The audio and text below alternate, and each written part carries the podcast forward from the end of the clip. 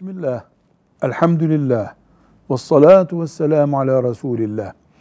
Dini ortamlarda kullanılardan, kullanılan kelimelerden birisi keşif kelimesidir.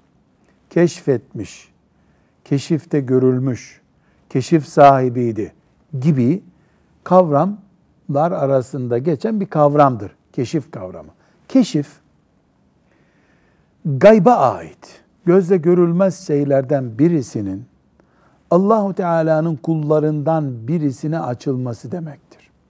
Normalde duvar var, arkası görülmüyor ama Allah'ın kullarından biri duvarın arkasını görüyor olabilir Allah ona gösterdiği için. Onun kudretiyle değil, Allah'ın göstermesiyle. Ömer bin Hattab radıyallahu anh böyle biriydi.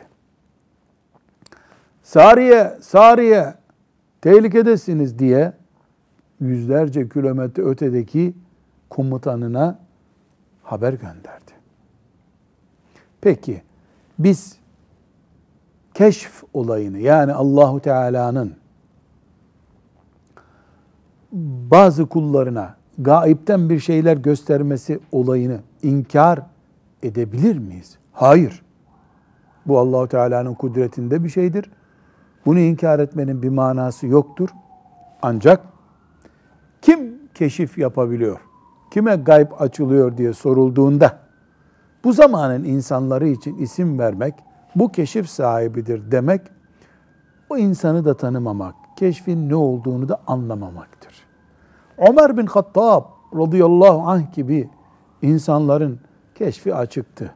Buna Allah şahit oldu, peygamberi şahit oldu, ashab gördüler. Ama sonradakilerin ne kadar keşfi açıktı, ne kadar şeytan önlerine bazı şeyler geçirdi belli değil. Öyle bir iddia yani bu zatın keşfini inkar eden dinden çıkar gibi bir söz kullanmak abes bir iştir. Keşif haktır. Kimin keşif ehli olduğu ise Allah'a kalmıştır. Velhamdülillahi Rabbil Alemin.